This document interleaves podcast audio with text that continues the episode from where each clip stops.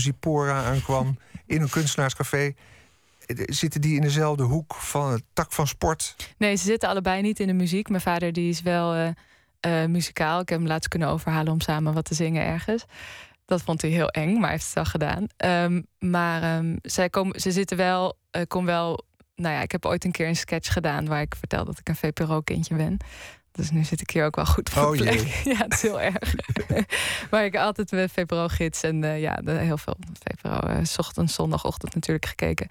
Dus ja, ik kom wel uit een, uit een absoluut een heel cultureel kunstzinnig ehm, kunstzinnig bubbeltje. Waar ik eh, zelf heb geprobeerd om uit te, te, komen en om op een andere manier verder te gaan. Um, dus in die zin is het wel, ja, zeker wel gestimuleerd door hun heel veel. En dat heeft het ook wel zover kunnen. Ja, en daar ben ik hun ook dankbaar voor.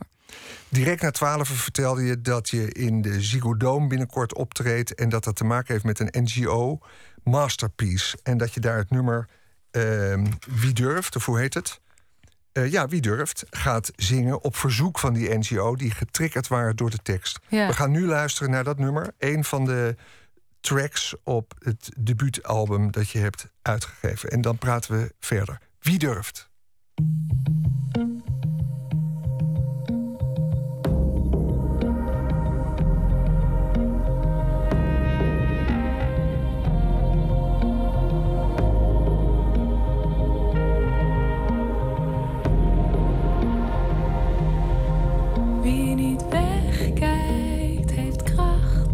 Wie niet uitwijkt, heeft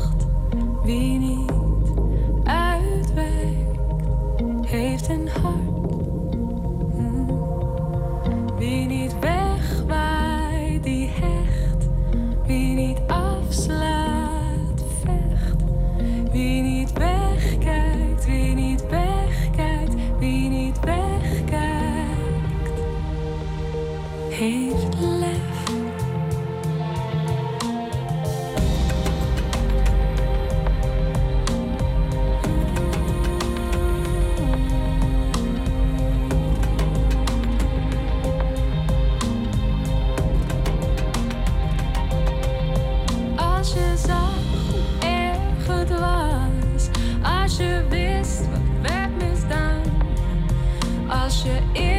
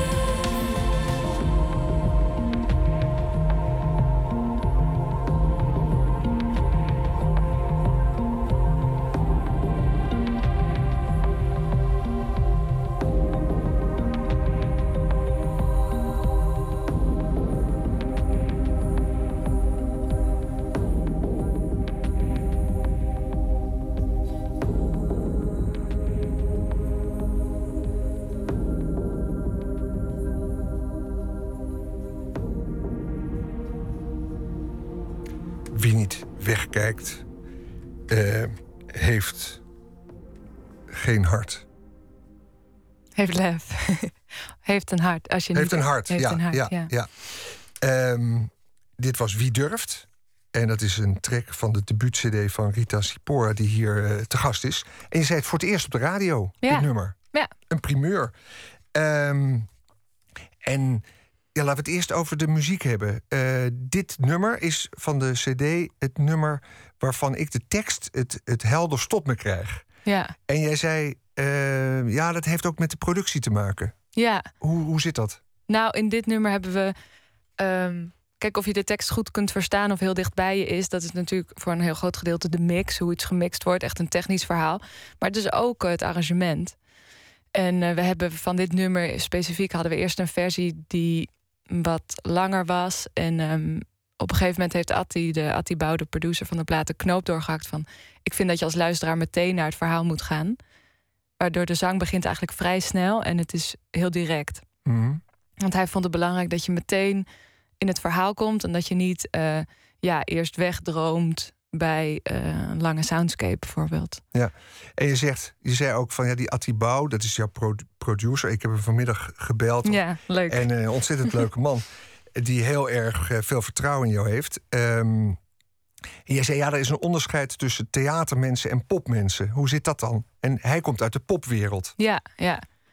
Kom Nou ja, jij dan met je conservatoriumopleiding meer uit, uit, uit, uit, de, uit de kleinkunstkant? nou, nee, ik kom ook echt uit de muziek. Ik heb, ehm, ehm, ik heb er ook echt heel duidelijk voor gekozen om absoluut een, eh, een muziekalbum te maken, echt een, een popplaat te maken, omdat ik wil, ik wil ook echt iets met de, met de muziek wil ik ook echt iets zeggen. Dus naast de teksten, de, met de muziek wil ik net zoveel zeggen en ook datgene zeggen waar woorden tekort schieten misschien en ook in sound. Dus niet alleen, ja, dat daarom hebben we ook soundscapes, omdat je dat net wat meer ehm, horizon geeft aan een, ehm, aan een geluid dan dat je alleen maar een instrument laat klinken.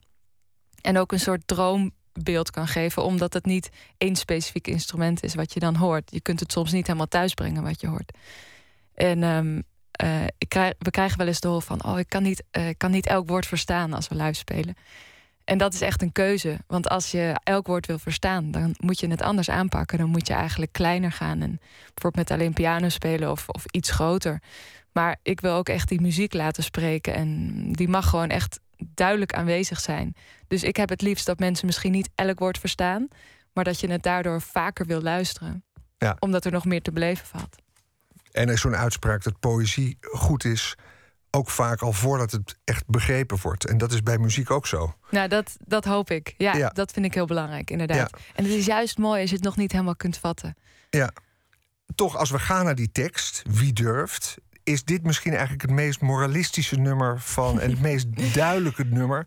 Je refereert eraan dat je niet moet wegkijken en dat je moet ingrijpen als er. eh, als, er, als, als je leed om je heen ziet en verschrikkelijke dingen, hoewel je in het midden laat eh, of je zelf over die dapperheid beschikt. Ja, het- en dat is wel belangrijk, want daar gaat het voor mij echt om. eh, ehm, ik weet niet wat ik zou doen. En dat die vraag, dat, dat is juist iets wat me eigenlijk beangstigt. Dat je niet precies weet, weet je wel. Je kan wel zeggen van, eh, als ik in de oorlog had geleefd, dan was ik bij het verzet geweest. Maar dat, dat weet je gewoon niet. En ik weet het van mezelf helemaal niet. En dat, dat vind ik juist ehm, ja, eng en ook spannend. Ja, want je, niet noemt je helemaal niet waarover. Het, je, je, het- je houdt het heel open. En het gaat niet over een specifiek eh, oorlogssituatie. Want die woorden die noem je niet. Nee, Maar klopt. refereert het daar wel aan? Ja, en voor aan mij welke wel. oorlog dan? Tweede Wereldoorlog? Ja, ja. Ja? Ja, ik bedoel, ehm, ik, op een bepaalde manier ben ik daar ook mee opgegroeid. Dat klinkt raar, want ik ben 27. Maar zoals mijn vader dat eh, daar eigenlijk nog steeds heel erg mee is, is opgegroeid, ook al is hij daarna geboren. Dat was natuurlijk voor mijn opa en oma. ehm, die hebben dat helemaal meegemaakt. Dus dat, dat, dat gaat gewoon voort. Dat, dat is niet iets wat je kunt uitwissen. En die periode interesseert me ook. Ik, ja, ik weet niet precies waarom. Maar ehm, mijn opa bijvoorbeeld, die, die woonde in Rotterdam. En die eh, was uit Rotterdam vertrokken. En toen kwam hij terug in Rotterdam en toen was alles weg. Zijn leven, zijn bestaan, zijn school, de straat waar hij liep, alles was weg. En dan vervolgens praat je daar een leven lang bijna niet over.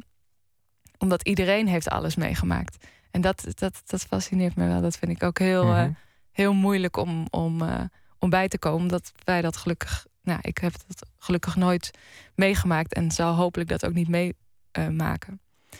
maar dus voor mij gaat het wel over de Tweede Wereldoorlog. Maar ik wil ook heel graag dat mensen. ehm, ja, pas toen het af was, zeiden mensen tegen me van... oh ja, maar het gaat voor mij over, weet je, het gaat, gaat hierover. En die hadden dan iets meegemaakt, gewoon nu op dit moment ergens op straat iets meegemaakt... met, met eh, ja, een gezin wat helemaal, eh, helemaal eh, ja, los, los van elkaar was... en naar elkaar aan het schreeuwen was. En ehm, eh, die konden zich daarin vinden. En nou, dat vind ik alleen maar heel fijn en heel mooi.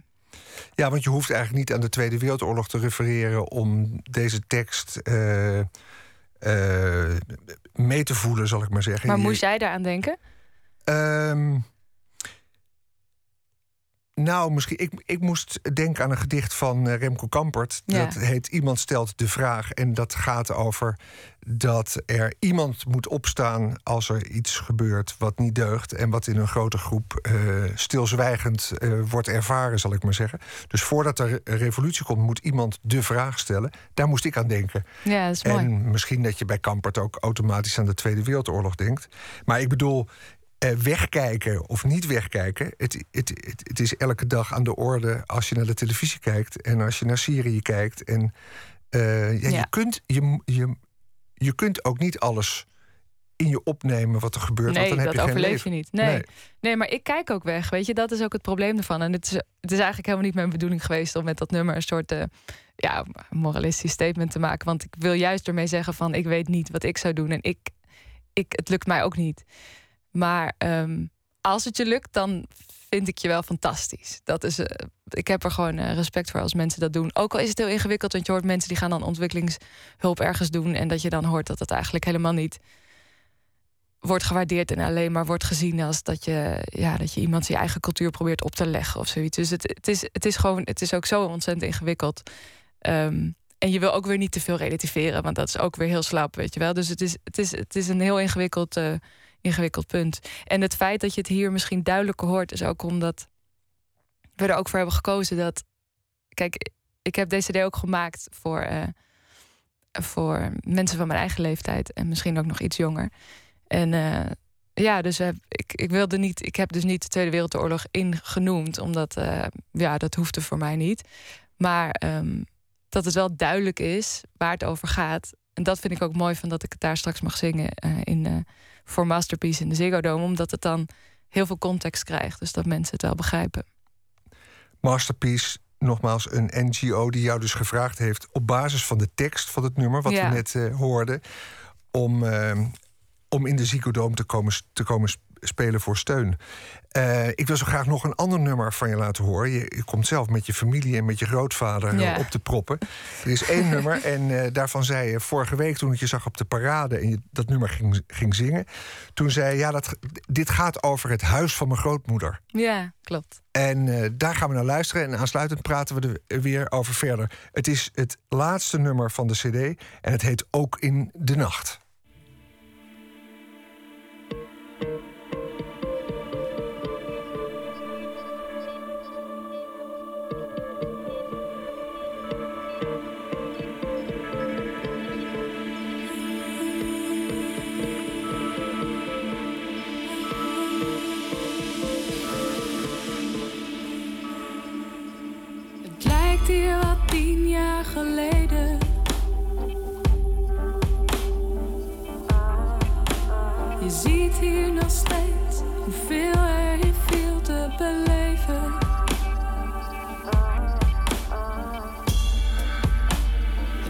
Lijkt hier wat tien jaar geleden. Het ruikt hier nog steeds naar hout en vertrouwd en verleden. De zon durft te schijnen door druppels van water. Duizenden vlekjes uiteen op het glas. Als je echt sterk keer op keer was gebleken.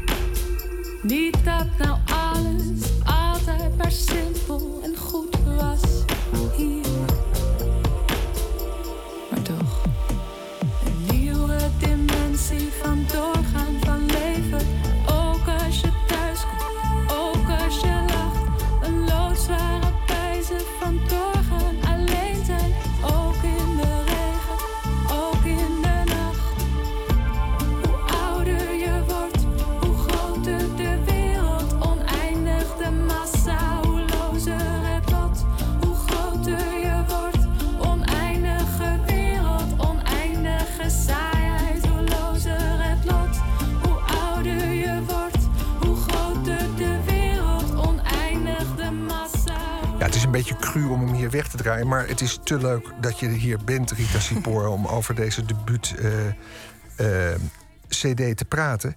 Ehm, en ik wilde zo graag dit nummer laten horen, omdat, we, eh, omdat je daarin ook, hoe ouder je wordt, hoe groter de wereld, oneindig de massa, hoe lozer het lot. En dan eindig je, dat hebben we nu niet uitgezonden, maar dat is het slot van het nummer. Hoe groter je wordt, oneindige wereld, oneindige saaiheid, hoe lozer het. En dan kap je het nummer eh, Ja. af. En dat is eigenlijk een ongelooflijk eh, zwaarmoedige, misantropische Ja, mededeling die je daar doet. en dan ook nog Ja. eens met een staand slot, alsof Ja. de dood opeens intreedt. Oh, wauw. Ja, dat is wel... Ja. Het Maar goed. leven is, eh, is ingewikkeld. Het leven is ingewikkeld. Ja. Ehm, ja, ik dacht, hoe, hoe, wat, wat voor een zwaarmoedigheid kwam er ook opeens eh, weer bij kijken. En wat je nu net vertelt over dat je moeder zei ooit van... eh, ga jij nou maar zingen, dan word je een beetje vrolijker. Ben je zo'n zwaar op de hand levend mens? Nou, ja, ja, ik denk het. Nou, nee, ik, in het dagelijks leven ben ik helemaal niet zo heel zwaar op de hand. Maar het- ik moet zeggen, het wisselt wel vrij snel. En eh, ik vind het, ja, wat ik net zei, ik vind het wel ingewikkeld. En ehm, twijfel en eh, frustratie.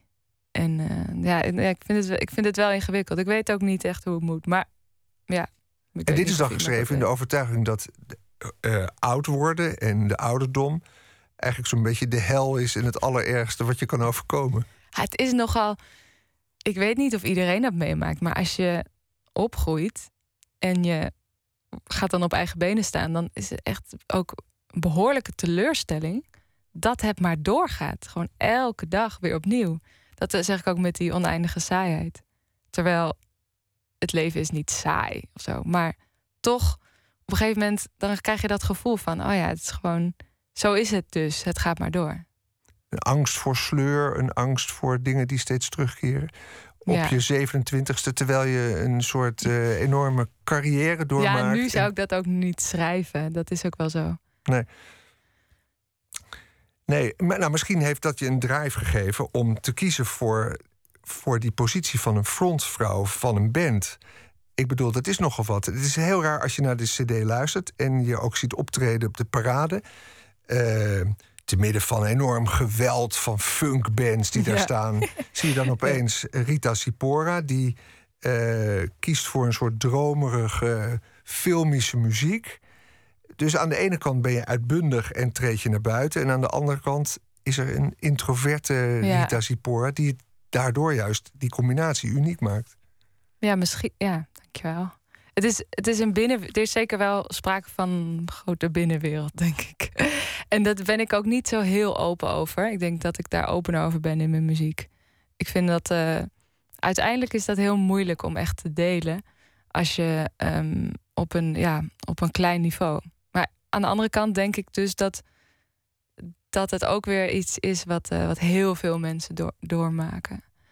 Dat als je ouder wordt, dat, ehm, dat je op een gegeven moment toch wel denkt van... oh ja, oké, dus zo werkt het. Dus het is niet... eh, eh, weet je, als je klein bent, dan denk je daar niet over na. Want ehm, er is elke dag weer wat nieuws.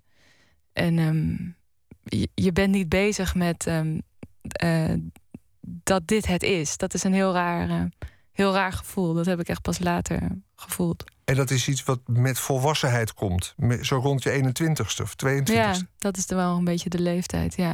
Want je zei net, ik heb me met deze cd gericht op juist op jonge mensen. En misschien jonger. En is dat dan een, een, een, een strategische gedachte? Van daar, daar wil ik me op richten, want dat is, dat is Oh, commercieel? nee. Of, nee, dat is het niet. Nee, nee. En soms denk ik ook juist dat weer oudere mensen het beter begrijpen. Dat heb ik ook vaak wel het gevoel. Dat hoor ik ook wel eens na optredens. Ehm, maar, ehm, dus ik weet ook niet precies of, of dat, ehm, waar dat dan in, in zit. Maar ik denk meer van ja, ik ben zelf. Weet je, het is mooi om mensen ook aan te spreken van je eigen leeftijd. Dat, eh, dat, heeft, dat heeft ook wat. Maar het is eigenlijk best wel gemengd, merk ik bij optredens. Mhm. Ook het publiek wat nu op ons afkomt, nu, ja, nu eh, wat meer eh, bekendheid hebben, dat is ook heel, heel wisselend. Dus dat is, wel, dat is wel heel leuk om te zien. Maar ook, ook wel echt oudere mensen. Overigens moeten we niet de indruk wekken dat het allemaal een heel zwaarmoedige cd is. Want het Nee. tegendeel is waar. En wat je eerst als single naar buiten hebt gebracht. Wasem is eigenlijk een liefdeslied. Ja. En uitbundig. Die is, en die dat, is heel uitbundig, ja. Zeer uitbundig. En dat is... Uh, ik ja. sprak Atti Bouw, die we al eerder noemden. Degene die jouw plaat heeft geproduceerd. En die geen onbekende is in de wereld van de pop. En... Um, ik, uh, hij heeft heel nauw samengewerkt met die CD. Hij is ook op de CD nog te horen met een paar pannen, geloof ik. Wat had hij, waar, ja. waar had hij het nou over? ja, hij, ja, we hebben pannen. Uh, ik had een hele grote pan gevonden. Echt zo'n zo'n oude soeppan, maar dan voor een, voor een weeshuis of zoiets. En dat hadden we, daar hadden we water in gedaan, hadden opgenomen. En hij ja, uh, nou, goed. Hij heeft dat helemaal bewerkt en alles mee gedaan en, uh, en ingedrumd. Ja, want het is niet zo dat je dus met een live band een studio ingaat. Ja, gedeeltelijk dus wel, hè? Ja, mm -hmm. want het is wel de band die je ook zag op de parade, die staat gewoon op de plaat. Dus, maar we hebben dus ook veel elektronica en, en heel veel effecten. En ja, ook soundscapes van Atti. Ja, ik vroeg uh, aan Atti Bouw, die al een oude rot is in het vak... en die ja. heel veel bands heeft begeleid... hoe moet uh, Rita Sipora zich nu ontwikkelen? En hij zei, nou, misschien moet die kleinkunstkant er een beetje af... zei hij, en uh, moet een beetje naar achteren... en ze leunt op de trip-hop en dat is hartstikke mooi. En ik heb dat nog eens opgezocht, wat trip-hop precies is. Dat is down-tempo met elementen van dans, hip-hop, jazz, reggae en rock... nou, dat zal allemaal wel. Ja, goede uitleg. Uh, en hij, maar toen, toen dacht hij weer wat dieper na. En toen zei hij: Rita Sipora die moet gaan schrijven. Want ik kan wel iets zeggen, maar zij moet vooral haar eigen weg vinden. en dat vind je door veel nummers te maken. En die nummers, als je die schrijft, die bepalen dan vanzelf de richting waarin je zult. Uh, zult ontwikkelen. En dat kan misschien uh, de reggae zijn of de punk. Wie zal het zeggen? Ja. Want wat dat betreft leef je in een spannender tijd dan ooit. Want ja, dat moet nu uit jou komen. Of ja. is dat ook beangstigend? uh, nou, het is ook wel heel erg leuk. Ja. het is vooral ook heel erg leuk. Ik vind het schrijven zelf. Uh, als het lekker gaat, dan is dat eigenlijk het, het allerfijnste. Ja. Dus dat is heel raar, want het is, heel, het is ook heel eenzaam. Maar um, op het moment dat je echt lekker bezig bent, dan lijkt het wel alsof je met soort van vier verschillende versies van jezelf aan het werk bent of zo. En dan is er ook een dialoog.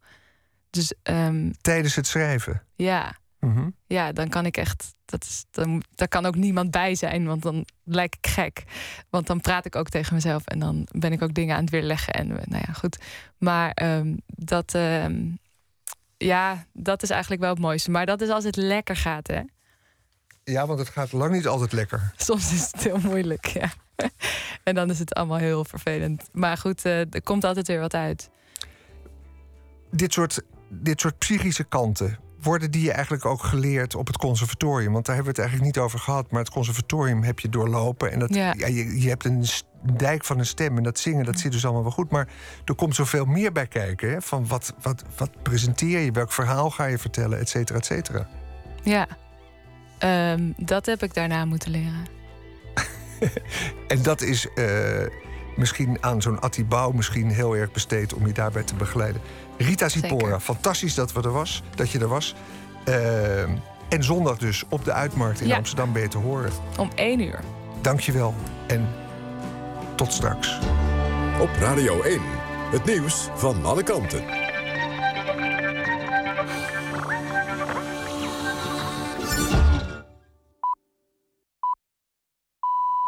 1 uur, Christian Bonenbakker met het NOS Journaal. Dino Bouterse heeft in Amerika een schuldbekentenis afgelegd. De zoon van de Surinaamse president geeft toe dat hij schuldig is aan drugsmokkel en verboden wapenbezit. En ook erkent hij dat hij een vals Surinaams paspoort heeft gegeven aan iemand van wie hij dacht dat het een strijder van Hezbollah was. Volgens justitie in Amerika was het de bedoeling dat Hezbollah vanuit Suriname aanslagen zou plegen in de VS en Nederland. Dino Bouterse zit al een jaar in New York in de cel. Hij kan 15 jaar tot levenslang krijgen, maar de schuldbekentenis kan reden zijn voor strafvermindering. Het Internationaal Monetair Fonds blijft achter directeur Christine Lagarde staan, ook nu er in Frankrijk een strafrechtelijk onderzoek tegen haar loopt. Het dagelijks bestuur van het IMF houdt vertrouwen in haar en denkt dat ze haar werk goed kan blijven doen. Justitie in Frankrijk doet onderzoek naar de rol van Lagarde in een fraudezaak uit 2008. Zoals toen minister van Financiën en zou nalatig zijn geweest toen er een regeling werd getroffen met zakenman Bernard Tapie. Een medewerker van Artsen zonder Grenzen in België heeft toch geen ebola. Volgens Belgische media blijkt dat uit een eerste bloedtest in Brussel. De Belg had in West-Afrika ebola-patiënten behandeld en kreeg gisteren opeens koorts. Een hond die de afgelopen middag door een Amsterdamse agent werd neergeschoten is overleden. De politie was afgekomen op een melding van twee loslopende honden in Nieuw-West die een voorbijganger hadden gebeten. Toen een agent door de honden werd belaagd, schoot hij eerst in de lucht en later gericht op een van de dieren. De hond werd door de dierenambulance naar een kliniek gebracht waar die later overleed. De rechtercommissaris moet bepalen of de andere hond terug mag naar zijn eigenaar. Volgens de Amsterdamse politie is de eigenaar verantwoordelijk voor het gedrag van de dieren. Het weer, vannacht op de meeste plaatsen droog, minimaal rond 14 graden. Overdag wisselend bewolkt en er trekken regenbuien over het land. Maar ook breekt af en toe de zon door. En het wordt 18 tot 20 graden. Zondag opnieuw buien. Vanaf maandag breekt een periode met vrij nazomerweer aan. Dit was het NOS Journaal. NPO Radio 1. VPRO. Nooit meer slapen.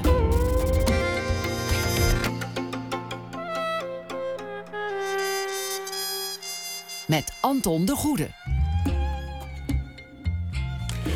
Ja, welkom bij het tweede uur van Nooit meer slapen... waarin het het komend uur gaat over Janna Loontjes... over regisseur Alice Zandwijk.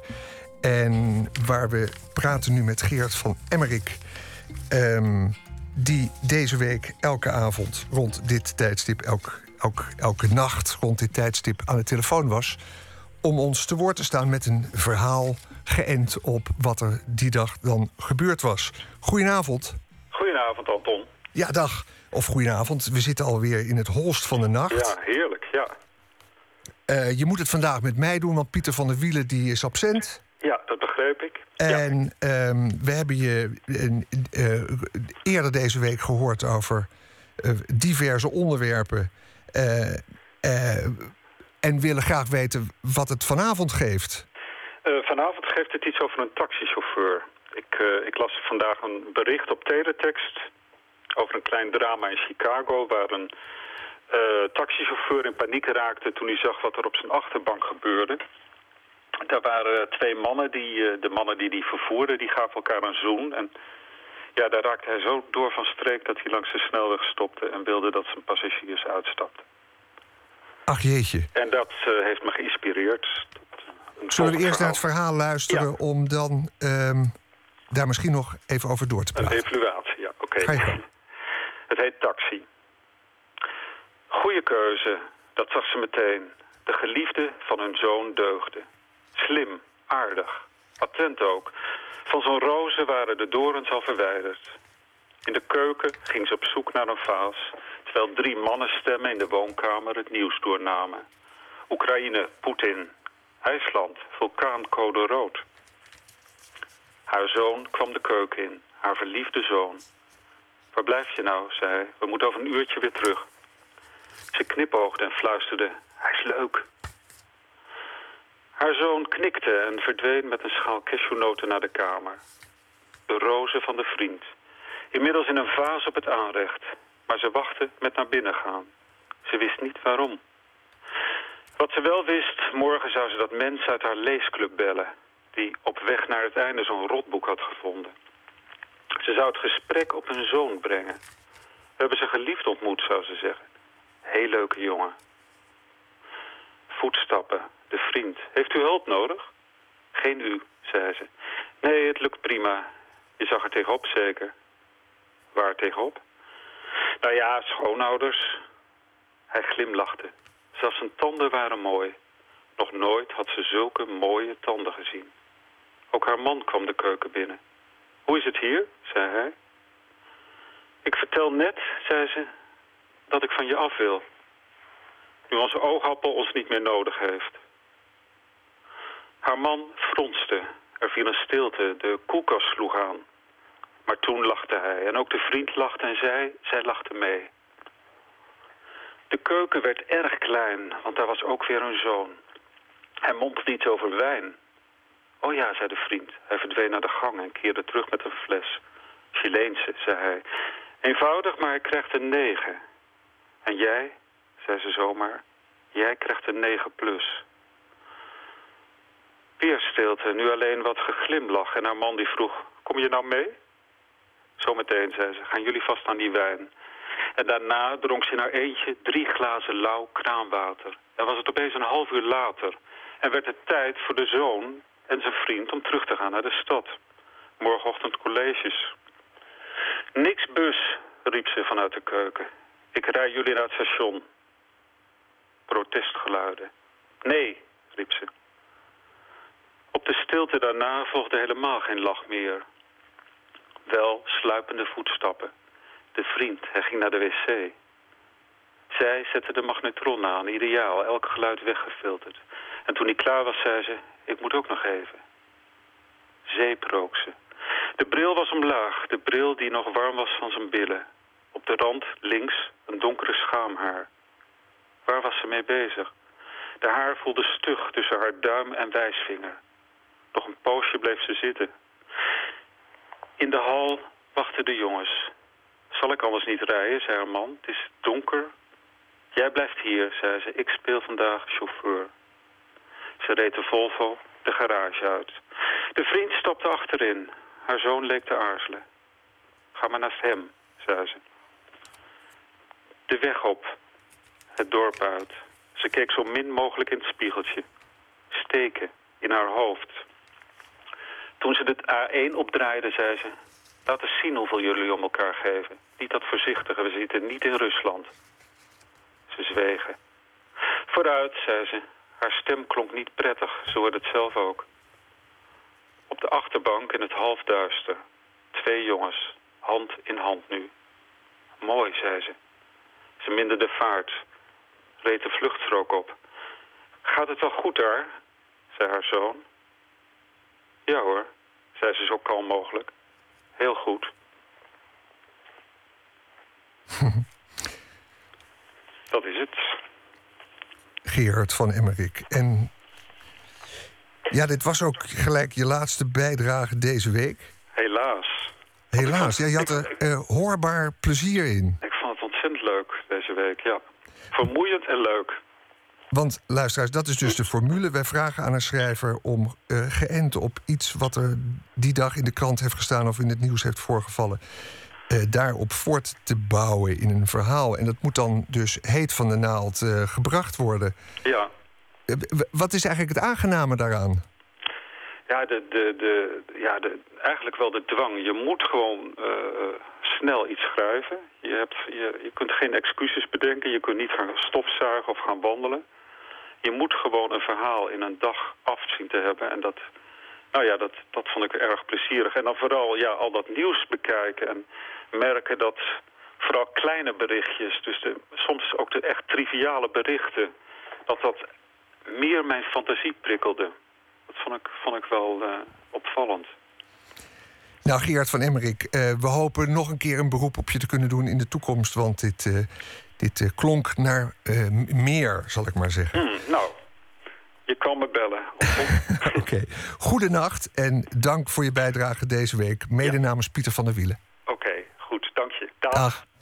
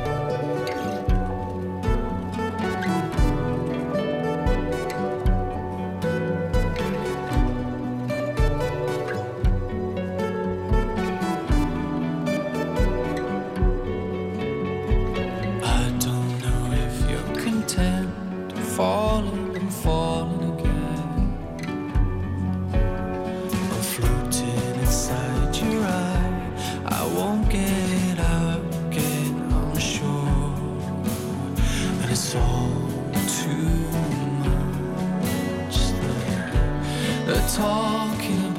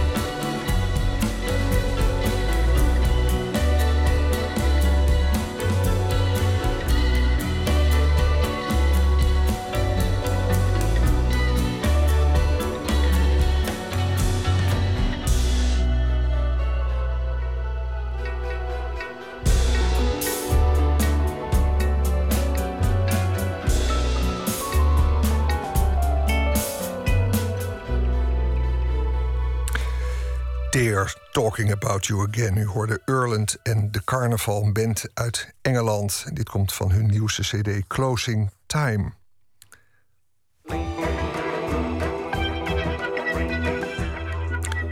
Ulrike Meinhof was een van de leiders van de Rode Armee-fractie, de naoorlogse links-extremistische terreurgroep in de toenmalige Bondsrepubliek Duitsland. Bij het Rotterdamse gezelschap Rood Theater speelt Meinhof een belangrijke rol in de voorstelling Vuurvrouwen. Die gaat over twee weken in première. En gisteren was er een openbare repetitie. Verslaggever Botte Jellema ging erheen. Het systeem, zegt u dat is wanneer het systeem. Wel, het systeem dat is alles. En het is overal. En het is honderd keer, het is duizend keer sterker dan wij allemaal zijn. Maar het is toch de draak die wij zullen verslaan. Ooit. Actrice Vanja Sorel in haar rol als Ulrike Meinhof in de gevangenis in Stuttgart. In haar cel horen we de gesprekken met haar advocaat en mede-RAF-leden.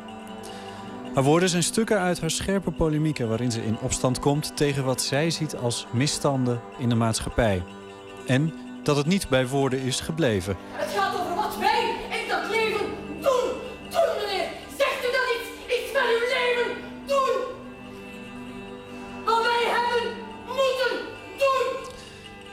Deze geschiedenis is complex en niet eenduidig. En daarom noem ik hierbij even expliciet mijn bron... de Encyclopedia Britannica over de Rote Armee-fractie. Het was een radicaal linkse groep geformeerd in 1968. Van begin af aan onderhielden de leden van de RAF zich door bankovervallen. Ze hielden zich bezig met terroristische bomaanslagen en brandstichtingen... in het bijzonder bij West-Duitse bedrijven... en West-Duitse en Amerikaanse militaire installaties in West-Duitsland. Ook ontvoerden en vermoorden ze prominente personen uit de politiek en het zakenleven.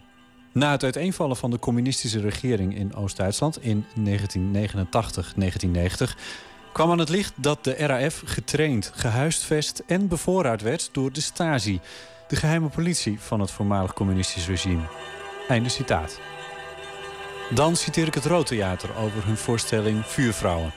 In de jaren 70 verzette de jonge vrouw Ulrike Meinhof zich tegen de zwijgcultuur van het naoorlogse Duitsland. Wat geweldloos begint, eindigt gewapend. Ze vocht met de RAF voor haar idealen, maar werd gezien als een terrorist en veroordeeld. Einde citaat. Het woordje maar maakt een tegenstelling van vechten met de RAF en terrorisme. Daar valt nog wel wat tegen in te brengen. Daarover straks meer. Eerst een belangrijke scène van de voorstelling Vuurvrouwen... die we te zien kregen tijdens de openbare repetitie. Ik haat de ouders die zwijgen. En ik haat kinderen die niks vragen. En ik haat het geld dat in de verkeerde zakken zit. En ik haat de honger. En ik haat het gas dat ergens ver weg de bossen vergiftigt en de huid van een kind in brand zet. Ik haat. En ik haat de Shah van Perzië, de Amerikanen en de bondsregering. Omdat die allemaal dezelfde leugen in stand houden. De leugen dat wij mensen vrij zijn.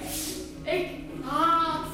Artistiek leider van het Rood Theater en regisseur van Vuurvrouwen, Alice Zandwijk. Zij vindt deze scène wezenlijk in het stuk. Eigenlijk is het een hele belangrijke, omdat zij daarin heel erg vertelt over. Het alles blijft maar zoals het is. En ik vind dat er iets aan gedaan moet worden. En, en zij voedt zich met haat om te kunnen creëren en om scherp te kunnen denken. Wat ik heel opvallend vond was na afloop, een, want dit was een openbare repetitie, er was publiek bij. En na afloop was er gelegenheid om het vragen te stellen. Ehm, er was iemand uit de zaal die vroeg aan uh, Vanja, je hoofdrolspeelster, althans Ja. de actrice die uh, Ja, Ulrike speelt. ja. Over die scène, uit welke motivatie doe je dat nou? Is dat nou echt uit puur haat of is dat pure liefde? Ja. En uh, van je hoefde er geen seconde over na te denken. Nee. Liefde. Liefde, ja. Want ze zegt, ik doe dat natuurlijk voor de kinderen die doodgaan. Voor het onrecht, voor die, dus eigenlijk tegen iedereen die niks doet. Dus zij doet het natuurlijk uit een heel groot gevoel van onrechtvaardigheid. Maar dus voor de liefde voor al die kinderen die doodgaan. En de mensen in de oorlogen en het, en, en, en het hele systeem. En over uh, ja, het onrecht. Dus natuurlijk is het natuurlijk. Het gaat, het gaat niet alleen maar over haar. Nee, dus dat doet ze vanuit liefde, ja. ja. Het, je noemt het woord al even systeem. Ja. Want dat is waar Ulrike het meest tegen strijdt. Ja. Het systeem. Ja. Dus het vindt het maatschappelijke, hoe de maatschappij is ingericht, vindt zij onderdrukkend. Ja, en dat, en dat is natuurlijk iets waardoor wij daar toch op terecht zijn gekomen op dit stuk. Omdat het natuurlijk eigenlijk nog steeds zo is. Kijk, dat was natuurlijk in de naoorlogse tijd in Duitsland. Toen waren, was het links-rechts heel erg ver uit elkaar. En ze ageerden natuurlijk ook heel erg tegen politici... dus die fout zijn geweest in de oorlog... en die uiteindelijk ook uh, net zo makkelijk weer in de regering terechtkwamen. Dus het, het was een heel gebeuren. Alleen nu is dat nog steeds zo. Ik bedoel, of het Herman Gillis op het laatst zei ook van... Uh, het klimaat gaat naar de kloten en we doen niks. Ik bedoel, de, al die, die, dat, dat, zit niet in je voorstelling, maar... Niet in voorstelling, maar dat is zo. Dus het systeem, wij worden nog steeds... wij worden nog steeds, worden wij eigenlijk dom gehouden. Wij worden nog steeds dom gehouden, worden nog steeds worden wij, uh, uh, wordt onze wassen neus uh, voorgehouden. Mm -hmm. Ik bedoel, het geldt over alles. Het hele migratiebeleid van de PvdA, wat, wat in principe was iedereen kon Nederland in en dat is en dat kan helemaal niet meer. Dat is helemaal alles, alles laten we toe. Nou, daar is het in eerste instantie om begonnen, om die vragen. Maar wij, gaan, wij kunnen geen antwoorden geven. Het enige dat je moet proberen is dat je eigenlijk altijd moet blijven denken... en altijd dingen mag kunnen... Je moet eigenlijk je dingen de, altijd blijven bevragen. Dat is het belangrijkste. Dat is wat je dus, wil, je vraag ja, stellen. Je, ja, je vraag stellen. Altijd denken van, hoe, hoe zit dat nu? Waarom is het nu? Of uh, hoezo gedogen regering dat we dat met z'n allen gepikt hebben? Hoezo uh, de subsidies dat we dat gepikt hebben? Uh, hè? Dus altijd vragen blijven stellen. Mm -hmm. en, en, en, en blijven denken en, um, en niet altijd accepteren. Volgens mij kon Ulrike daar niet tegen. Kijk, toen ze een demonstratie hielden, werd de politie op ze afgestuurd. Ja. Toen ze in actie kwamen, toen werden ze in de gevangenis gezet. Alsof het ordinaire straatrovers zijn en geen politieke activisten. Toen ze naar hooggeplaatste functionarissen wezen die een donkerbruin verleden hebben met een nadruk op bruin. Toen werden zogenaamd de schouders opgehaald. En toen ze iets zeiden over globale uitbuiting en de bloeddorst van het kapitalisme, toen werden ze zogenaamd niet begrepen. Ja, en als ze dan de consequentie van al dat onbegrip hebben aanvaard, dan zijn het opeens geen mensen meer. Ja. Maar dan zijn het bacillen waar onze republiek zich kosten wat het kost moet bevrijden. Ja. En zo. Zij was eigenlijk uh, een, een, hoofdredactrice bij Concreet, dat is een heel links blad. En zij schreef ook over de Shah van Perzië. Daar is het eigenlijk allemaal begonnen. Omdat de, uh, de vrouw van de Shah van Perzië deed alsof het allemaal fantastisch daar was, terwijl het helemaal niet zo was. Het was Persie, daar, ja. ja. dat was allemaal, het was daar echt uh, armoede. Er was uh, mensen die geen eten kregen, krijgen. Het was daar allemaal volledig niet uh, zoals zij het beschreef, de, de, de Riviera. En nou, daar gaat zij tegenin en dan schrijft zij een open brief. Daar is zij heel bekend mee geworden. Ulrike Meinhof als, als journalist, een open brief in concreet over um, waar eigenlijk die mevrouw het over had. Die mevrouw Diba, dus die, die, waar zij het überhaupt, dat ze haar eigen land niet kent. En dat er armoede is en dat er, uh, en dat er uh, honger heerst. En, ja, dus in eerste instantie was zij heel erg het denken. Ja. Dat is later veranderd. Ja. Uh, dat zit ook in je voorstelling, want Ulrike zegt dan... mijn woorden richten niks uit, ja. maar mijn daden mijn daden wel.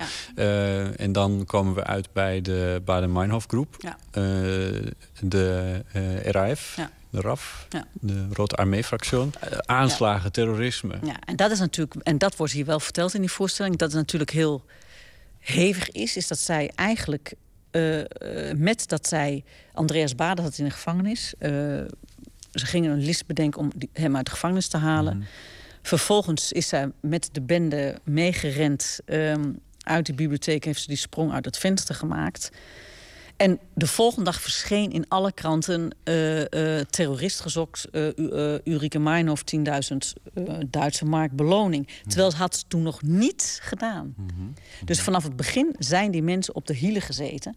En vanaf het begin af aan zijn zij eigenlijk als terrorist beschuldigd. Terwijl er, terwijl er, er is absoluut geschoten naar een bewaker die in zijn been of zo geraakt is.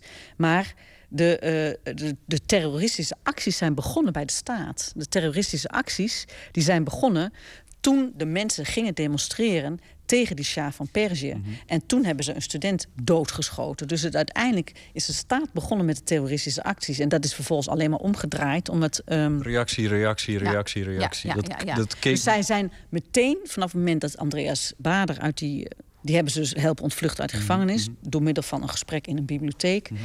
En uh, vanaf dat moment zijn ze voortvluchtig geweest. Zijn, is er niet meer naar hun geluisterd. Dat wordt heel erg goed door die man en die vrouw verteld. Die man in dit stuk, die man zegt: joh. je moet ook geen mensen doodschieten. Wat nou, we hebben niks aan helden en wat hebben we er nou aan? En die vrouw zegt, en toch is het wel goed dat we zijn. Alleen ze zijn vanaf het begin af aan, zijn zij niet, ze, is er nooit naar hun geluisterd. En vanaf het begin af aan heeft de media hun ook totaal. Dan gingen ze bijvoorbeeld met pudding gooien en met kwark gooien. En er werd gezegd: moordaanslag op die en die minister. Dus alles werd ook nog eens een fout in het nieuws gebracht.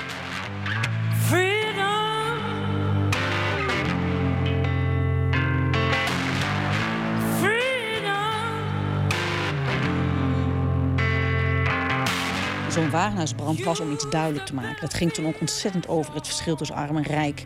En over uh, toen al woning. Uh, over, een, uh, over een bepaalde woningen waar de arme mensen uit moesten omdat ze niet meer konden betalen. Dus het ging in eerste instantie allemaal over idealistische, onrechtvaardige dingen. Alleen doordat zij zo. Ze hebben de jacht zo opengezet op, die, op de RAF. dat ze op een gegeven moment niets anders konden. Ja. Maar het begon allemaal met een idee. Er stond het allemaal een idee achter vanuit een soort gedachte en ideaal, ideaal idealisme. Dag meneer, mag ik wat vragen? Ja, u bent net bij de, eh, bij de openbare repetitie ja, geweest. wat vond u ervan? Ik vond het een, eh, een, een eh, heel interessant stuk. Wat mij, wat mij echt frappeert is eigenlijk dat het zo actueel is. Het gaat over de jaren 70. Het gaat over idealen, ergens voor vechten. Het is uiterste consequentie dat je wordt weggestopt. En uh, nou ja, dat zien we natuurlijk op dit moment ook massaal gebeuren. Hè? Dus... Nou ja, de, eigenlijk de vraag hoe we het hier met z'n allen uh, rooien en hoe we, hoe we leven met elkaar. En hoe, hoe de systemen in elkaar zitten en wat je daaraan kunt doen. En of je daar iets aan doet. Of dat je toch maar denkt, ja, nou ja, het, het is allemaal te groot voor mij. Ik kan er niet bij. Maar soms uh, uh, sta je ergens op de barricade en soms denk je... Oh, ik had beter mijn waffel kunnen houden, want wie ben ik eigenlijk? Of eigenlijk gaat het heel erg om het feit dat wij als maatschappijen niet echt veranderen. Want die mechanismen zijn eigenlijk nog steeds hetzelfde.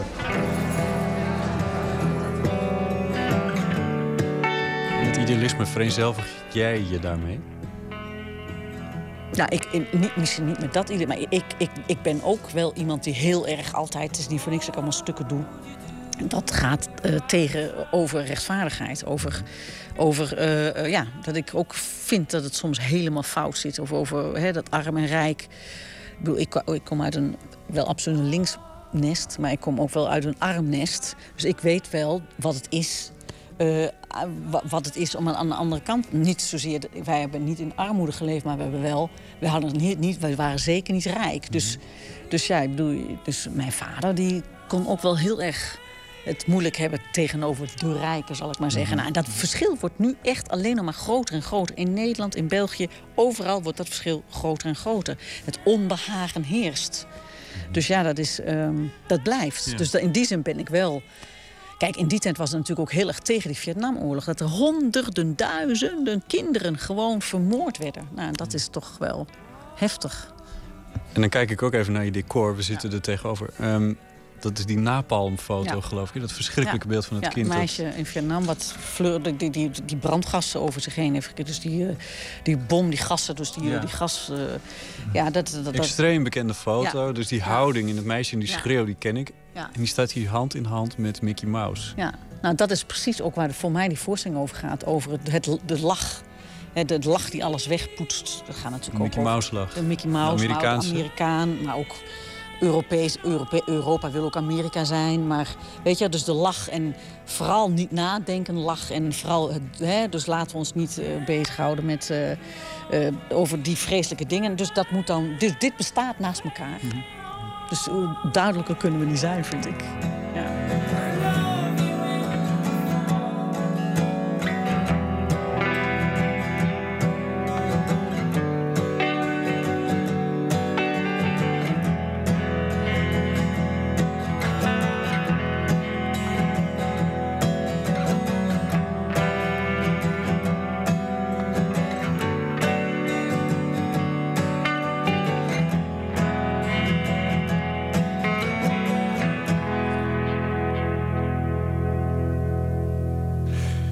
Alice Zandwijk, regisseur van de nieuwe voorstelling Vuurvrouwen van het Rood Theater. De muziek die u hoorde komt uit de voorstelling en is van Maartje Teusink. Vanaf volgende week zijn de eerste try-outs van Vuurvrouwen te zien. En op 12 september gaat hij dan in première in de Rotterdamse Schouwburg. Dan nu, u hoorde er de afgelopen weken al meer van in dit programma... de prachtige tweede cd van de in Ethiopië geboren... en in Finland woonachtige zangeres Miro Wagner. De CD heet When the Cellar Children See the Light. En daarvan hier is hier het nummer Good Night.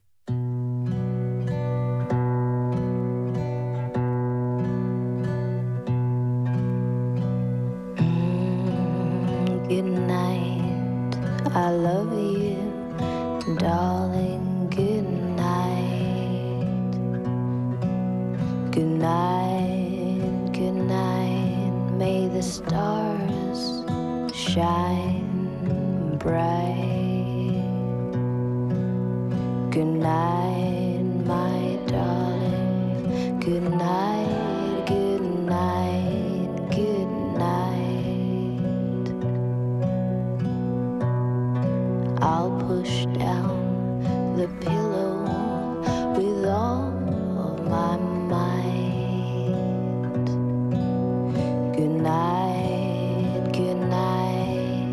stars are so bright, and I'll hold down the pillow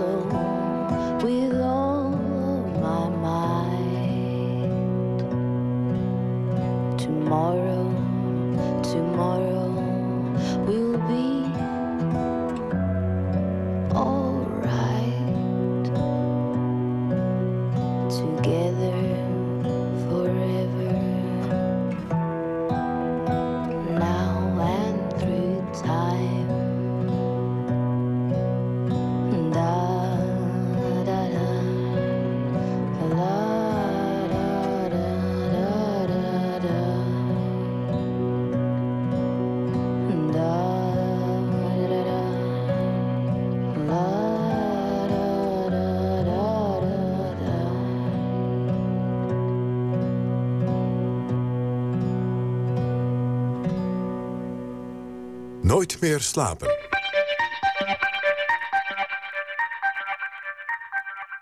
Ja, eerder deze week barstte voor de 71ste keer het Filmfestival van Venetië los.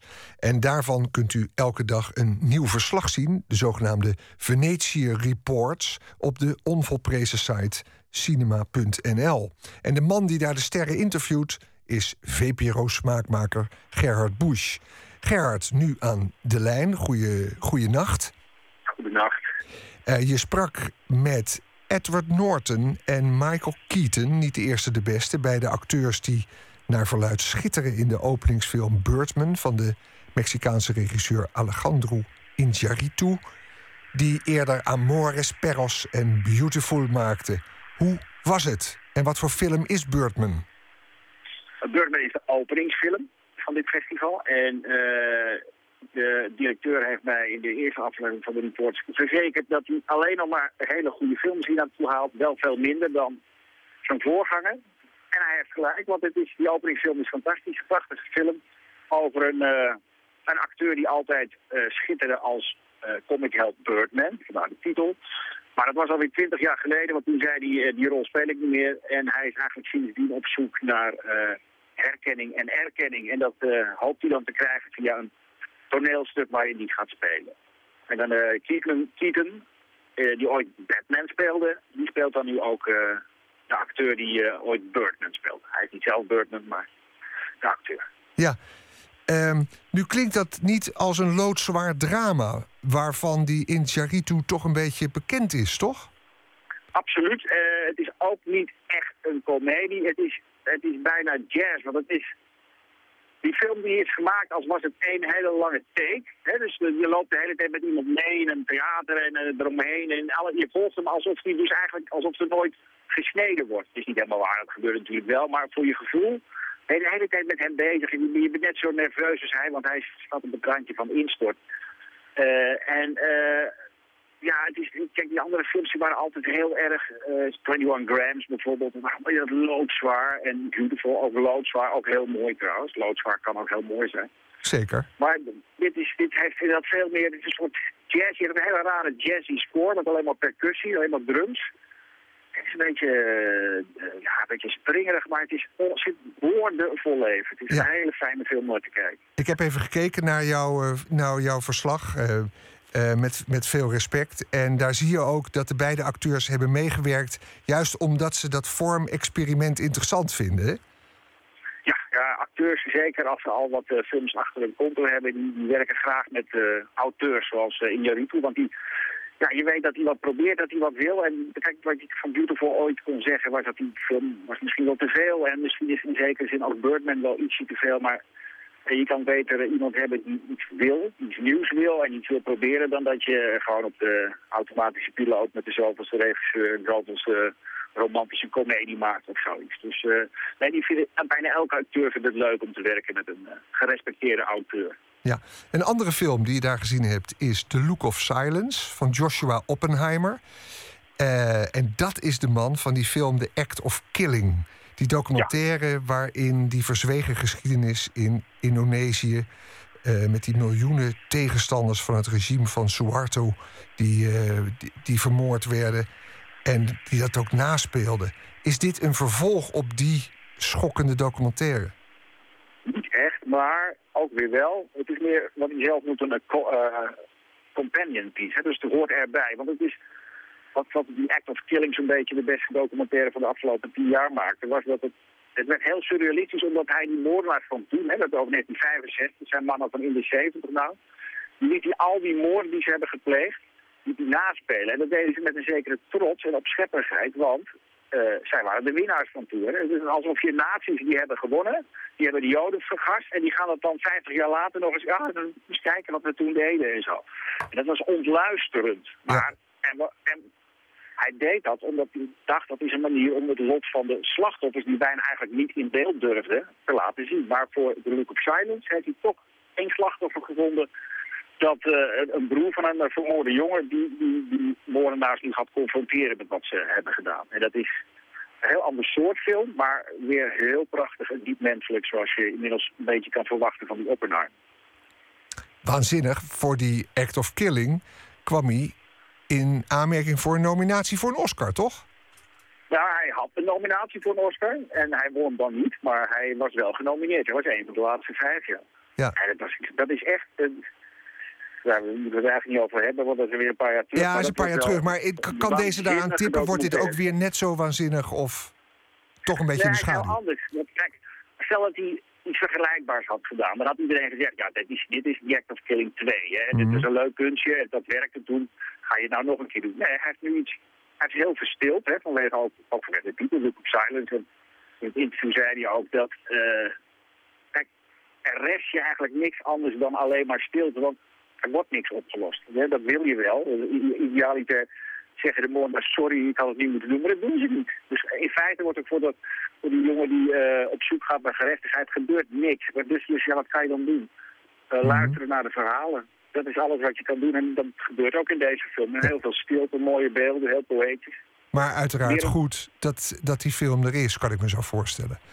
Nou, zo goed dat die, die, die mannen die, die erin speelden, dat, dat die broer van, die, van het slachtoffer, dat die moest duizend kilometer verderop gaan wonen, want die was zijn leven niet zeker. En, ja, het, is, het maakt daar wel een wond open en dat was hoog tijd, denk ik. Ja. Van het hele zware onderwerp dan toch van die, van die Joshua Oppenheimer... Even toch nog naar de Nederlandse film. Daar in een bijprogramma eh, heb ik gehoord, maar niettemin is dat heel prestigieus. Getiteld Tussen 10 en 12 van Peter Hogendoorn. Met wie vorige week al in Nooit meer slapen een gesprek was uitgezonden. Uh, hoe, hoe gaat het met die film? Nou ja, die, dat moet nog gebeuren. Hè. We zitten, wat zitten we nou op? Vrijdag toch? We zijn uh, de festival is drie dagen bezig. Dus... Het is inmiddels zaterdag. Nee, toch? Oh, oh ja, natuurlijk. Het is alweer zaterdag. Ja. Maar die nacht tel ik nooit mee. Nee, oké, okay. het is zaterdag. En, en, ik geloof dat die film pas dinsdag hier uh, uitgaat, uh, wordt vertoond, in première gaat. En, en dan volgen we hem ook een hele dag en dan gaan we een beetje kijken hoe dat voor hem is. Hij is pas 34, maar ja, als jullie vorige week al in de uitzending hebben gehad, dan weten jullie er eigenlijk al alles van. ja goed, maar jij staat er bovenop en ik heb je ook in een film gezien met de directeur die heel erg mooi uitlegt in je eerste aflevering uh, hoe belangrijk het toch is om erbij te zijn. De mensen te ontmoeten, het grote scherm en zelfs iemand als jij uh, zal dat beamen. Wat zijn tenslotte de dingen waar jij naar uitkijkt, Gerard? Uh, morgen een film van met Al Pacino, Manglehorn, van regisseur Henry, nee, David Gordon Green, wat ik een fijne regisseur vind. En Pacino, als hij soms een beetje inhoudt, ook een hele fijne acteur. Dus daar ben ik wel benieuwd naar. Uh, wat hebben we dan meer voor moois? Mm. Films met El Pacino, toch? Ja, nou dat is die ene dan. Ik heb er net één gezien. Uh, vannacht dus, uh, of afgelopen nacht, gisteren nacht moet ik dus zeggen. En die was, daar was ik niet zo... het nou. lijkt eigenlijk in thema een beetje op, op iets van Birdman, maar dan vind ik Birdman 10.000 keer spannender. En was dat andere een beetje verfilmd toneel of zo. Gerard, ga je, bed op, ga je bed opzoeken daar in, uh, in, het, in het Lido in Venetië. Uh, we volgen je op cinema.nl en dank je voor deze bijdrage. Veel succes daar. Ja? VPRO.nl. Je vindt ze op VPRO.nl. Alles doen we tegenwoordig via de schild VPRO.nl. Dus daar vind je ook de Venetië-record. Heel goed. Dankjewel, veel succes. En de luisteraar dus dagelijks op de hoogte blijven... van het, wat toch het oudste filmfestival ter wereld is. Ik geloof een jaar of 70 oud.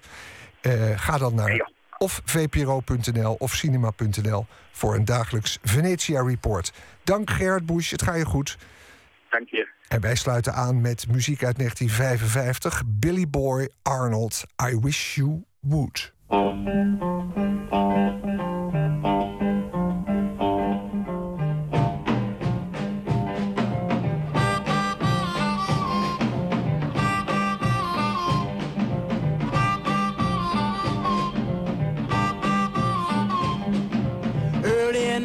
About to break a day. That's my baby went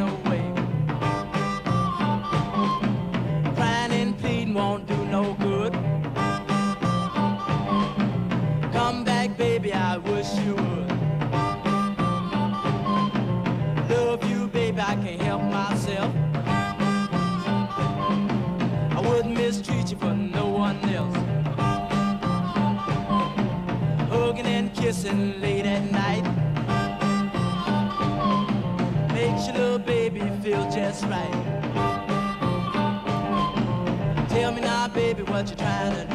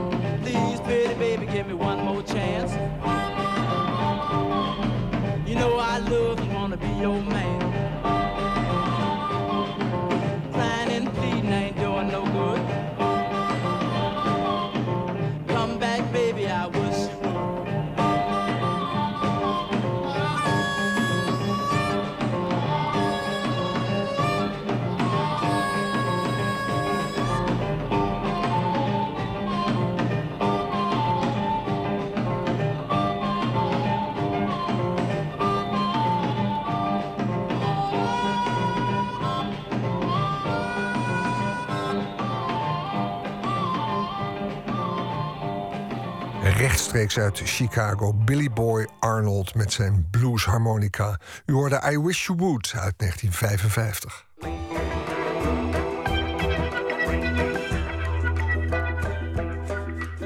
Janna Loontjens. Ze schreef romans, dichtbundels en vorig jaar een essaybundel over het schrijverschap. En in haar nieuwe roman Misschien wel niet portretteert ze een vrouw van rond de 40 die worstelt met het moederschap, met haar werk en haar relatie en een affaire op Facebook. Die ze begint. Titske Musche zocht Janna Loontjes op en sprak over het al dan niet echte contact via Facebook en de issues van veertigers van tegenwoordig. Hoewel ik deze buurt zo door en door ken, hoewel ik precies weet waar ik heen moet, welke kant uit, welke voet ik moet optillen, bekruidt mij het gevoel verdwaald te zijn. Verdwaald in deze stad en dit leven dat maar doordendert als een sneltrein die me geen kans gunt te kijken welke stations we passeren. Voort gaan we, voort, voort, voort. Dit boek misschien wel niet. gaat over Marcia, een jonge vrouw. En we volgen eigenlijk vier dagen uit haar leven. Zou je eens willen beschrijven wat dat voor iemand is? Ehm, nou, het is iemand, ze werkt als bacterioloog in het AMC. En het is iemand die ehm, het leven beschouwt, maar een beetje van een afstand. En ze ervaart de dingen alsof ze uh, haar overkomen. Dus eigenlijk alsof ze niet zelf bewust keuzes neemt. Dat doet ze misschien wel, maar ze, ze, ze grijpt niet echt in. Dus het is iemand die, um, die heel rationeel is, maar tegelijkertijd vrij passief. Zo zou ik haar eigenlijk uh, ja, karakteriseren. Ja, en zij is, zij is een moeder van, uh, van twee kinderen, van twee verschillende vaders. En uh, zij worstelt eigenlijk met, ja, met haar leven op dat moment, met de verantwoordelijkheden die ze heeft, met de relatie waar ze in zit. was dit een personage dat er, dat er meteen was in jouw hoofd? Nou, het boek begon eigenlijk um, vanuit mijn um, overpeinzingen over de invloed van social media op het dagelijks leven. Het chatten, de berichtjes, het gewoon telefoongesprekken, dat alles de hele tijd inbreekt op je gewone leven. En ook um, hoe dat werkt, die communicaties via chatten. En ook of je iemand echt kunt leren kennen op die manier. Daar was ik ook nieuwsgierig naar. Dus eigenlijk begon het vanuit die gedachte. En ik wilde ook heel graag een uh, vrouwelijke uh, hoofdpersoon. Maar die niet typisch vrouwelijk zou zijn. Dus een heel rationele vrouw eigenlijk. Maar wel ook wel. Ze is, ze is ook vrouwelijk en ze is moeder. Maar, um, dus dat vond ik, dat, dat was de uitdaging uh, waarmee ik begon. En hoe ben je toen te werk gegaan? Is het dan, begint het wel met, met het personage waar je vanuit gaat denken? Of? Nou, dat personage is wel gegroeid terwijl ik het schreef. Um, dus het begon met het idee van: oké, ik laat haar online verliefd worden op iemand die ze niet kent, nog nooit heeft ontmoet. Ook met dat, uh, ja, met die nieuwsgierigheid dus van. Kun je iemand leren kennen alleen maar uh, via dig digitale wegen? Wat heel veel schijnt te gebeuren. Heel veel mensen worden online verliefd. Dus dat vind ik heel fascinerend. En ik wilde ook kijken van hoe hoe, hoe echt is dat? Want ze heeft een echt leven met een leuke vriend, hè, twee kinderen. En hoe echt is die affaire dan die zich op Facebook, via chatten via Facebook afspeelt? Um, dus ik dacht daarover na. En dus toen had ik besloten dat ze een bacterioloog moest zijn. En dan in de loop der tijd, tijdens het schrijven, is ze wel echt uh, ontwikkeld als personage. Maar wordt het iemand die je ook op straat tegen zou kunnen komen? Of zou willen tegenkomen misschien wel? Wordt ze zo echt? Ja, ja, voor mij wel, ja. Ja, het is wel echt iemand uh, die ik ook wel voor me kan zien. En ik, ik zou wel weten hoe zij zou reageren. En net zo met de mannelijke personages, uh, of de verschillende personages in het boek. Ook Tom en Aisoen en Daniel. Ja. Ja, dat zijn allemaal vrienden van haar waar ze veel tijd mee doorbrengt. Ja. Um, met wie ze het ook wel tot op zekere hoogte over, over dit soort dilemma's heeft. Of zij, ja, ze hebben gesprekken over het leven. Uh, de, de, het, het, is dus eigenlijk een, een soort portret van een groepje veertigers, eind dertigers. Ja. Um, die, die allemaal een beetje worstelen met, uh, met, met hun verantwoordelijkheden, met het ouderschap, met werk, met liefdes. Ja. Is dat typerend voor veertigers?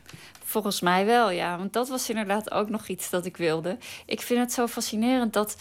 Uh, ik, ik heb het gevoel dat mijn generatie eigenlijk sinds mijn studententijd niet heel veel is veranderd in hoe ze in het leven staan. Eigenlijk leiden we allemaal nog ongeveer dezelfde levens zoals we die ook leidden toen we studenten waren.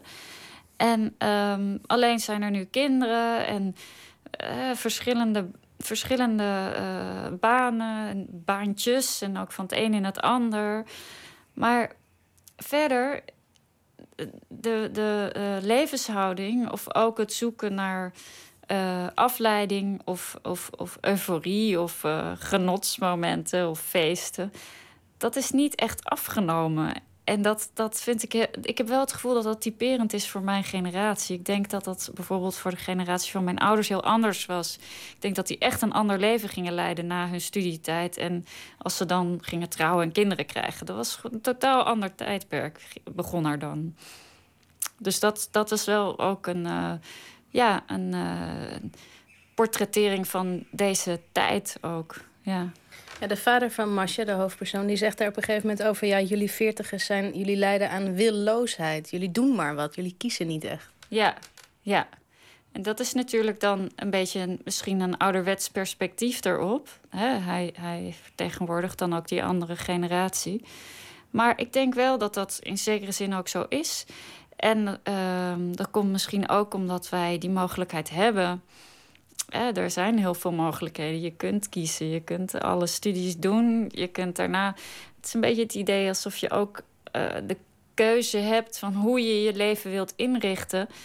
En uh, heel veel mensen weten dat eigenlijk helemaal niet. Er is niet echt een duidelijk ideaal van hoe iemand zijn leven voor zich ziet. Hoe moet die generatie er nou uitzien als ze 60 zijn straks? Um, nog altijd spelend. en, ja, en feestend. En, nee, ik weet het niet. Maar ik hoop gewoon heel, uh, heel, heel uh, blij en vrij. nee, ja, ik heb geen idee eigenlijk. Ja. Ik heb wel het gevoel, kijk, en daar ging, dat ging ook mijn, mijn de, uh, vorige roman, hoe later eigenlijk, ging daar ook voor een deel over. Dat mijn generaties zijn wel altijd heel is heel erg op zoek naar uh, wat je eigenlijk echt wil. Dus je passie. Hè? Dus niet zozeer een praktische benadering, maar echt een, passie nastreven. En heel veel mensen hebben dat gewoon eigenlijk niet duidelijk. Ik weet heel zeker, ik wil schrijven. Dat is een geluk. Maar ik zie om me heen, zie ik heel veel mensen zoeken eigenlijk. Die kunnen, ah, ik vind. Ik ben wel geïnteresseerd in muziek. Misschien kan ik die baan nemen. Of misschien kan ik daar werken. En um, ja, dat kan eigenlijk alle kanten uit. Het is alsof de camera uitzoomt. Eerst mijn lichaam uit. Ik zie mezelf op de bank naast mijn man zitten. We lezen ieder een boek. Een vredig, maar bevreemdend tafereel. Dan zoom ik nog verder uit. De huiskamer uit. De straat in. Ik vlieg met de vaart van een ballon die leegloopt achterwaarts de lucht in. Kijk door het raam van de buren. Het is nu alsof ik bij alle huizen naar binnen kan kijken. Nog hoger vlieg ik. De daken worden als deksels opgelicht en overal zie ik ongeveer hetzelfde. De verschillen zijn van dichtbij misschien immens. Alleen al de houding en gezichtsuitdrukking van de verschillende personen, de vormen van neuzen, oren, monden, de keuze van kleding en meubels, wel of geen kinderen in omliggende kamertjes, uiteenlopende vormen van eenzaamheid, afkomst en leeftijd. Maar hoe groter de afstand wordt, hoe kleiner de verschillen. En dan ben ik ineens zomaar iemand. Een mens. Een mens met een man, twee zoons, een baan. Dat is wat een mens in een leven nastreeft en dat heb ik. Banaler kan het niet. En juist in dit besef van normaliteit schuilt de bron van vervreemding. Waarom? Waarom juist zo? Is dit wat ik wilde? Of ben ik toevallig hierin beland? Als een poppetje door een kinderhand in een willekeurige kamer in een poppenhuis gezet, waar ik vanaf dat moment braaf verder leef. Die vrijheid hè? en, en de, eh, die social media, waar je dus eigenlijk waar je boek mee begon, eh, met dat uitgangspunt om dat te onderzoeken. Dat is in het boek is dat, eh, komt dat tot leven door de relatie die Masha aanknoopt via Facebook met een jonge man, Rafik. Ehm, en dan zeg je, de vrijheid van deze tijd is de mogelijkheid om samen te zijn zonder echt samen te zijn. Zo ziet zij dat dan. Hè? Maar dat is natuurlijk ook een soort drogreden. Ze houdt zichzelf de hele tijd een beetje voor de gek. Want ze wil, ze is eigenlijk gewoon aan het vreemd gaan. Maar ze wil dat niet erkennen, omdat ze daarvan geniet. Maar ze gaat vreemd via in chatten en, en op Skype. En, maar zij denkt nog steeds, ja, dat is niet echt, want het speelt zich allemaal alleen maar in de digitale, virtuele ruimte af. Maar en, en dan is zo'n idee van de vrijheid van deze tijd. Hè, is de mogelijkheid om samen te zijn zonder echt samen te zijn, is eigenlijk, ja, dat is, zo houdt ze zichzelf ook voor de gek. Het is een drogreden. Maar het is in zekere zin heeft ze ook wel gelijk.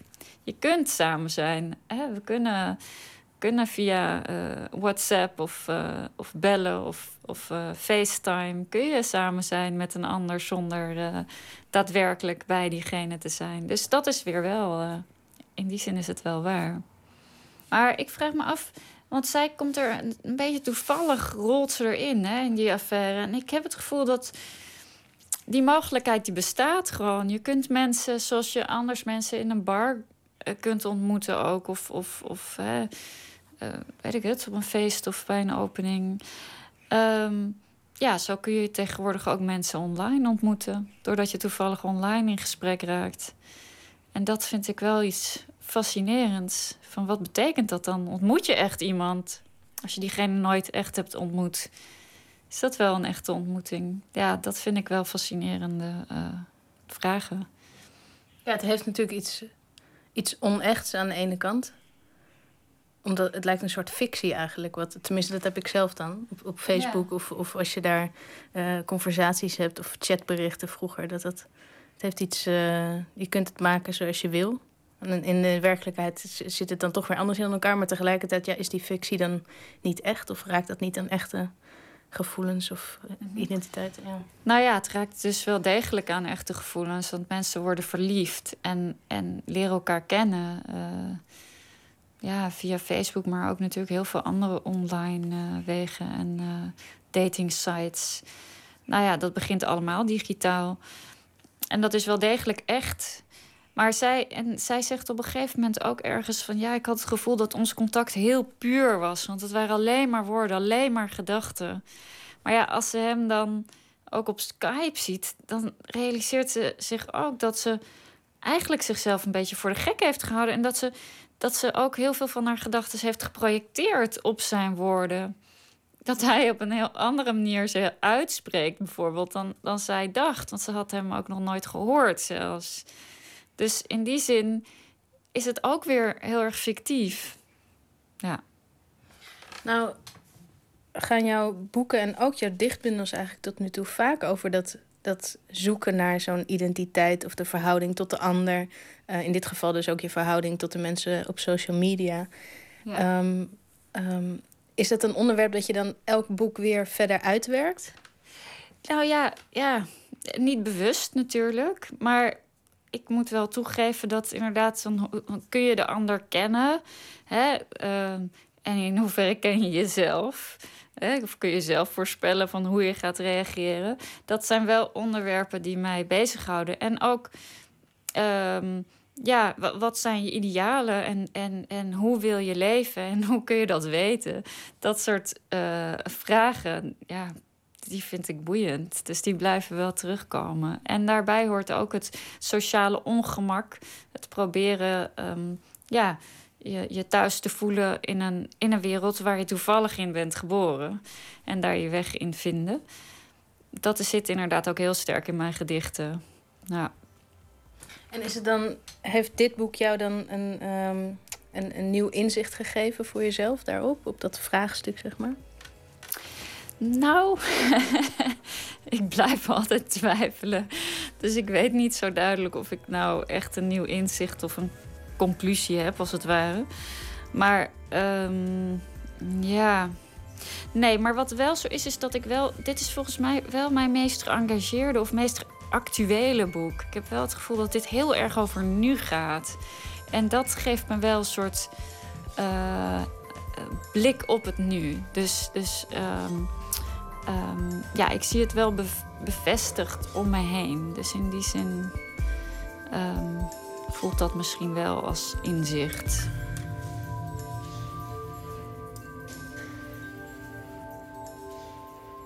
Ja, en dat was Tjitske Muske in gesprek met Janna Loontjens. De roman Misschien wel niet is uitgegeven bij Ambo Antos.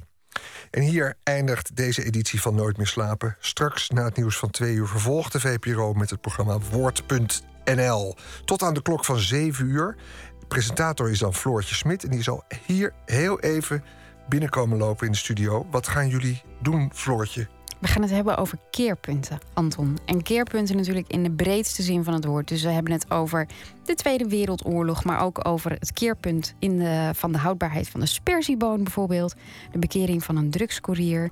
Een vrouw die haar man vermoordde en daardoor een heel nieuw leven kreeg. Dus je kan het lekker breed interpreteren weer. Wat was het keerpunt in de Tweede Wereldoorlog? We hebben het dan, ja, goh, nou, daar, daar ga je al. Nee, het gaat om 1933, het jaar waar, uh, waarin. Zoveel gebeurde wat allemaal een soort opmaat is geweest na de Tweede Wereldoorlog. Juist, dus crisis. historische documentaires Mhm. zijn hele grappige. We hebben ook bijvoorbeeld een hele grappig, grappig verhaal van Tosca Nietering over haar coming out. Dus niet alleen ernstig, ook gewoon leuk in de nacht. Altijd heel erg mooi in Woord.nl, waarvan eigenlijk de formule is om parels uit de archieven van Hilversum op te diepen. En ehm, die serve- serveer jij dan uit tot 7 uur komende ochtend. Hartstikke mooi, goed dat je er bent. En eh, straks na het nieuws van 2 uur. En maandag is Nooit meer slapen er dan weer. Dan met als hoofdgast niemand minder dan de acteur Porky Fransen. Wie weet tot dan of anders later. Dag.